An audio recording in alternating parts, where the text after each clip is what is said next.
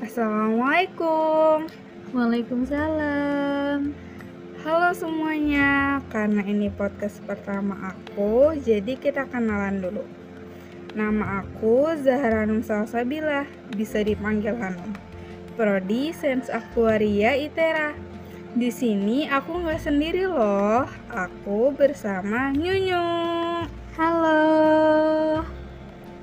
Di sini kita mau bahas target apa aja yang bisa dicapai setelah berhasil masuk ke bangku kuliah.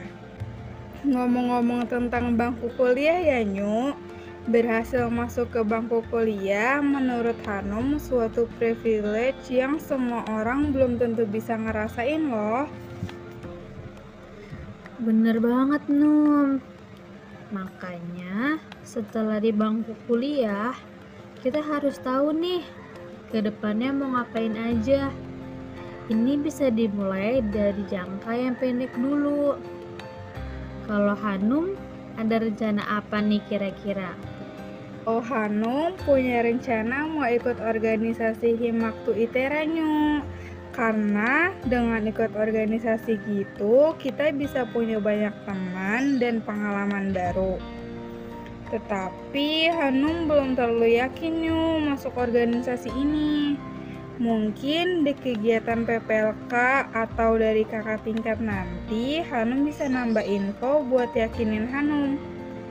Setelah punya pengalaman berorganisasi, Hanum berencana ikut kegiatan di luar kampus. Kayak magang di Kemenku atau menjadi relawan yang berhubungan dengan pekerjaan aktuaris. Karena sudah memiliki cukup pengalaman dalam dunia aktuaris, Hanum menjadi lebih siap Nyu untuk terjun ke dunia kerja.